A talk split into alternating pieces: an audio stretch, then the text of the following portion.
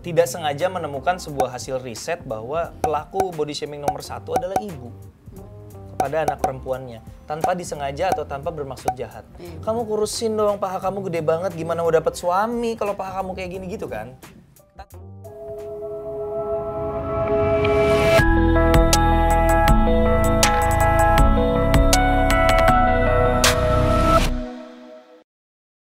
Welcome to Cameo Project.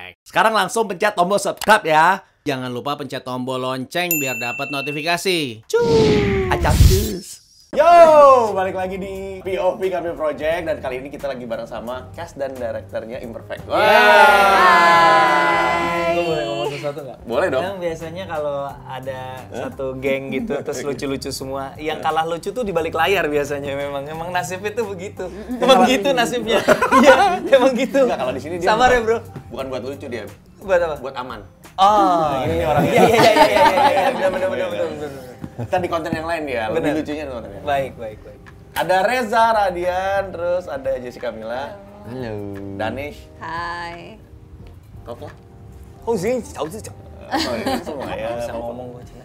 Nah, sekarang kita lagi kita mau bahas sebenarnya isu di balik film Imperfect ini. Hmm, Karena kan em, ini film yang cukup berani ya. masa? Karena ini kan juga apa ya film yang nggak apa ya ide yang nggak biasa di tackle sama sebuah film benernya ide yang cukup serius dan nggak bukan sesuatu yang jamak ya maksudnya tentang eh, body shaming, Iya. bullying Iya. dan insecurities tapi Iya. lebih ke apa ya fisik gitu loh.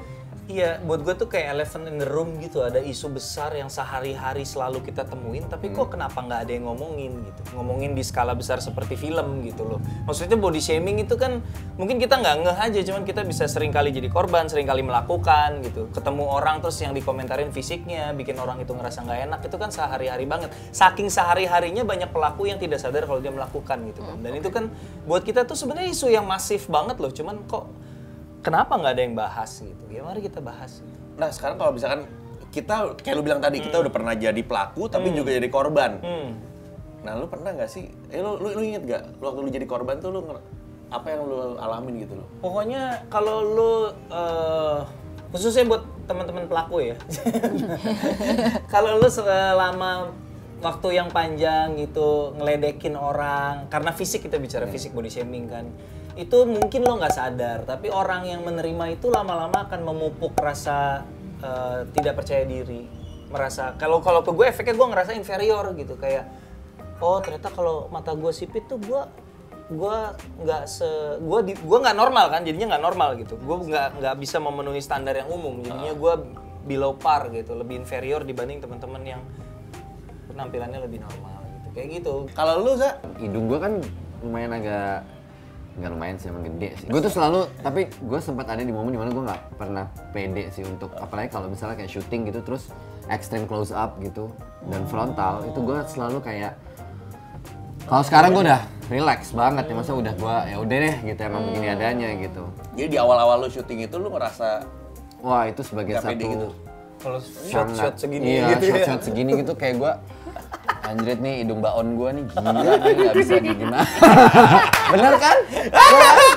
Gitu gimana nih udah darah keluarga nih kan? Gimana turunannya emang begitu jadi ya udahlah gitu. Kalau lu? Kalau aku di pipi sih biasanya. Aku juga sama. Jadi kalau misalnya lagi syuting terus close up, terus dari depan biasanya aku ngerasa muka aku TV lebar kan. banget. Apalagi dulu di TV. TV kan lebih parah lebar banget gitu. Jadi kayak semua orang pasti komentarinnya aku tuh gemuk. Padahal pas ngeliat aslinya, ya ampun aslinya kurus banget ya gitu. Jadi setiap mau syuting pasti ada nggak pedenya karena selalu ngerasa mukanya lebar gitu. komentar komentar komentar kayak gitu tuh menurut gue sebenarnya kadang-kadang agak menyinggung sih sebenarnya. Kayak misalnya orang ketemu gitu ih bagusan aslinya. Iya. gue kalau dikomentarin gitu gue bingung antara harus seneng atau harus Iya, sedih iya, sebenarnya. Iya. Iya. gue harus seneng ini artinya apa ya? Harus seneng apa harus sedih ya kalau dikomentarin begini ya? Bingung. Kalau model ada nggak oh, insecure? oh iya. jangan ada salah. lah dari dari justru dari masih kecil tuh dari SMP lah ya maksudnya kayak udah akrab banget dengan verbal bullying gitu kayak sering dibilang dulu kan hitam banget lah kulitnya terus udah gitu kayak laki kan gitu terus mukanya aneh dibilang kayak alien gitu terus dibilangnya kayak tikus di, dikata-katain gitu Alien gimana ya? Jadi SMA tuh gue suka dikatain kata Jadi kayak aneh. rambut lu dulu gimana emang? lurus, lurus pendek dan selalu Oh, kayak- kayak emang dari kayak dulu gini. tuh rambut lu pendek? Iya, pendek. Jadi kayak pernah dipanggil Ujang kalau bahasa Sunda tuh karena gue saking kayak lakinya. Karena katanya gue- Danis. Gue kayak laki, jadi ada ada uh, orang yang ngeliat gue tuh kayak bukan perempuan jadi manggilnya Ujang gitu. Terus ke sini sini sih udah lebih santai lah ya, maksudnya udah punya suami juga kayak. Oh. Sama suaminya dipanggil Ujang. Jadi udah udah santai dipanggil aja. it's their thing, it's their thing. Tapi sering juga kayak banyak yang komentar tuh, oh, ini Danis mukanya kok aneh banget, uh, bibirnya lebar banget, kok bisa jadi artis sih sering ngomongnya sering dikomentarin kayak Karena gitu. menurut gue ya, dia kalau senyum tuh kayak Julia Roberts. Oh. karena, karena lebar. Karena giginya tuh Kelihatan besar gitu kan, jadi kayak ba- menurut gue sih bagus. Ah, Thank you. Cantik sekali. Tapi apa yang apa sih eh, yang paling parah yang kena ke lu tuh Misalnya gini, lu dapat dapat semua feedback atau orang yang ya, ya feedback itu kata positif ya.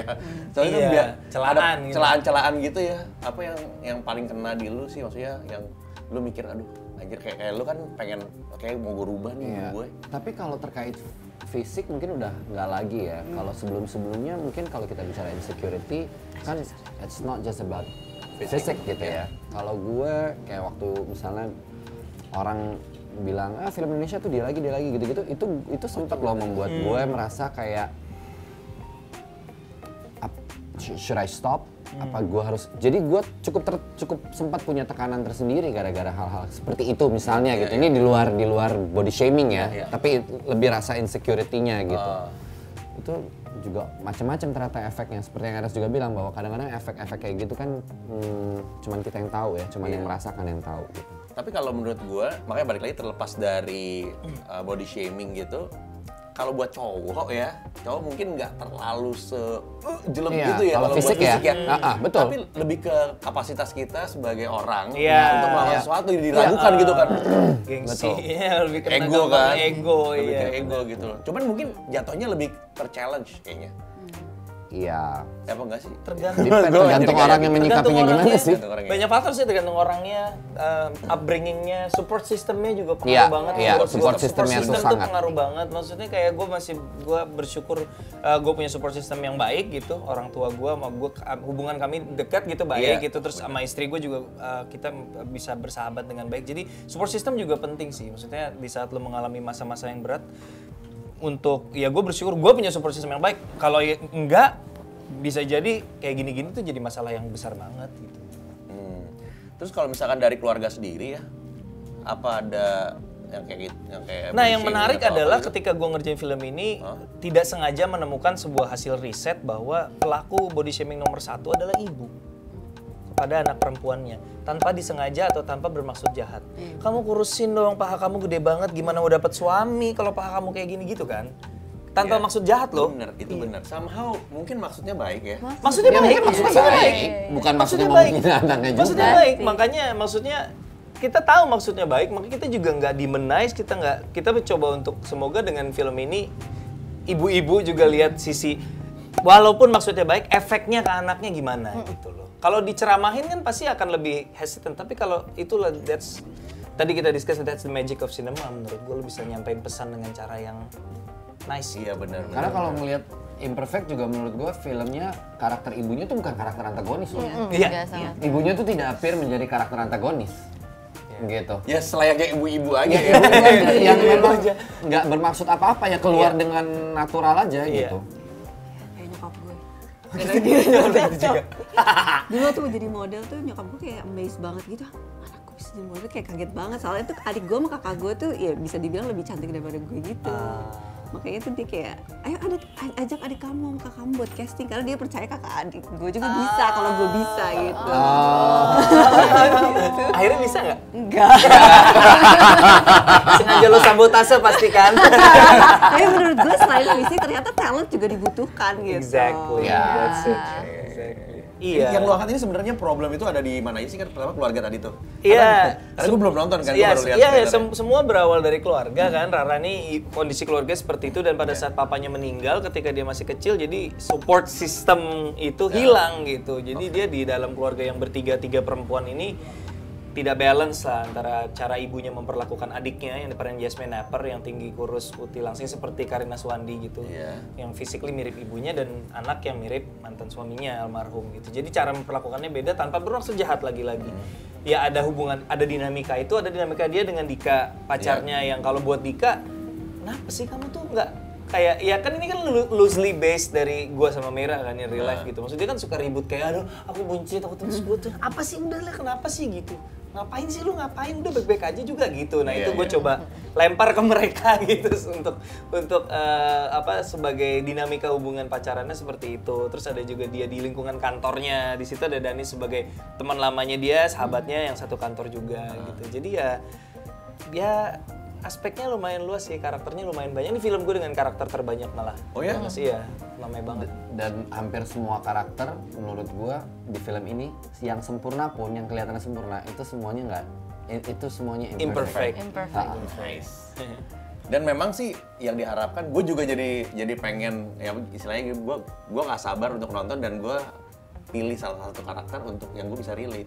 Karena Ya. gue rasa semua orang bisa relate sama karakter. Sangat. karakter pasti akan ada sam- Ya. sa- sa- satu karakter yang lo temuin ah, yang ini Ini gue banget sih. iya pasti ada dengan segitu banyaknya karakternya kalau gue di project myself menjadi Dika dengan segala kelebihan dan kekurangannya gitu tapi ya ya amazing sih maksudnya kita gue mami ngerasakan ini film agak in a way kayak cewek banget gitu tapi ternyata cowok-cowok juga bahkan kayak kayak manajer gue sendiri gitu Dipa gitu nonton gue nangis nontonnya ulang yang bener gua nangis serius nangis. Aco juga. gua nangis Aco Aco gitu komedi konsultan kita gitu yang udah ngikutin prosesnya juga nangis. Kemarin juga gue gue terharu banget teman-teman kru mungkin nggak sampai ke lu kemarin obrolannya.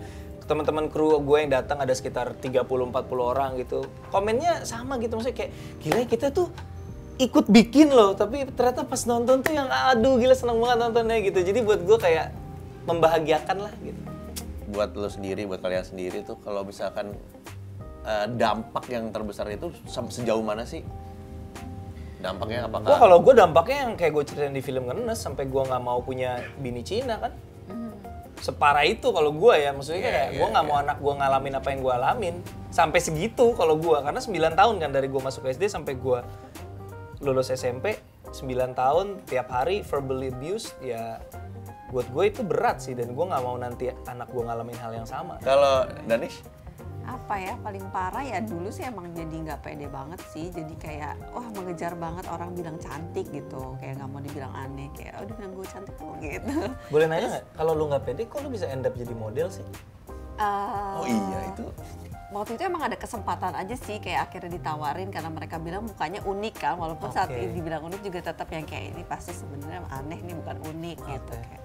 Tapi akhirnya lama-lama jadi karena gue ngerasa di situ bisa menghasilkan uang buat gue gue jadi percaya diri aja gitu oh ternyata bisa bisa jadi menghasilkan keuntungannya gitu Dan juga di acknowledge sih, maksudnya kan akhirnya kan lu lu apa ya karena menerima berbe- karena berbeda itu mungkin jadi Iya, orang iya. lebih notice Jadi gitu. kelebihan ya justru. Iya, iya. Jadi Tapi dampak terberatnya kan ternyata kalau yang di sosial media sampai sampai ada yang mau bu- apa bunuh diri Iya, Iya, gitu tapi lu nggak pernah ngerasa depres gitu?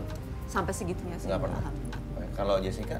Kalau aku dulu lumayan jadi takut banget gemuk kan karena selalu dikomentarin kayak gitu. Jadi walaupun aku badannya udah kurus tapi aku diet terus diet terus sampai ada momen di mana aku karena ngerasa selalu dibilang gemuk. Jadi aku kesel kalau misalnya ada orang nawarin makan.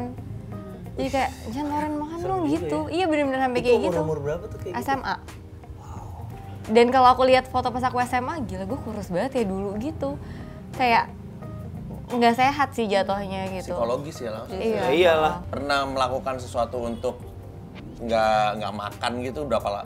Misalkan sehari cuma sekali atau kalau nggak nggak makan atau Hmm. diet apa yang paling menurut menurut kamu tuh yang kayak nggak nggak masuk akal sebenarnya Pernah, gitu, pernah sih, pernah. Pernah sih diet-diet yang nggak jelas gitu kan. Diet-diet yang nggak baik buat kesehatan gitu pernah sih. Tapi waktu itu apa ya? Saya kayak cobain sehari cuman makan uh, apel doang satu atau kayak padahal kan pada masa pertumbuhan itu kan butuh banyak gizi kan sebenarnya terus ya jatuhnya jadi lemes uh, nggak mood cranky gitu kayak nggak enak banget rasanya Hmm, Oke, kalau lu? Kalau dari body shaming atau apa, gue nggak. Kan lu waxing gitu enggak? Pernah waxing Enggak sih, gua, nah itu gue nggak pernah waxing. Gila waxing sebanyak itu sih lumayan juga sih rasanya sih. Seru sih. gua waxing itu sudah hari lagi, oh banyak lagi.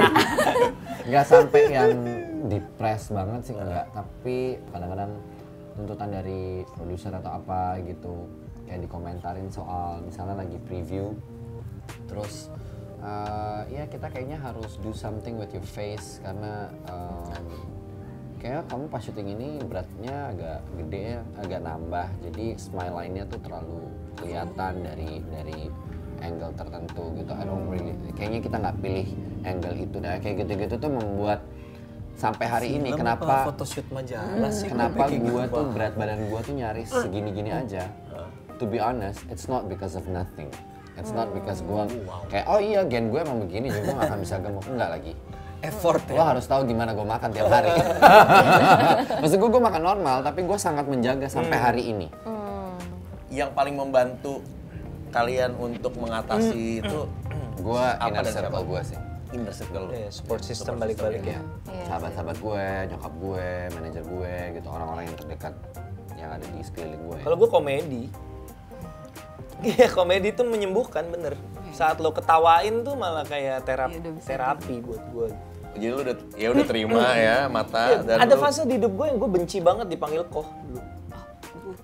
Benci banget gue, karena itu kan ngingetin sama, lo ngerti dong rasanya. Ngingetin sama semua bullying yang lo terima dulu waktu SD kan, lo kan dibully karena lo Cina. Ketika lo dipanggil koh kan lo diingetin kalau lo Cina gitu. Kayak itu gue benci banget. Sorry ya, Kayak Mas. boleh nggak panggil dulu, dulu. Sekarang semua manggil gue koh gitu sejak stand up comedy, tapi it's okay, it's 100% oke. Kenapa? Karena buat gue, gue udah berdamai dengan itu melalui komedi.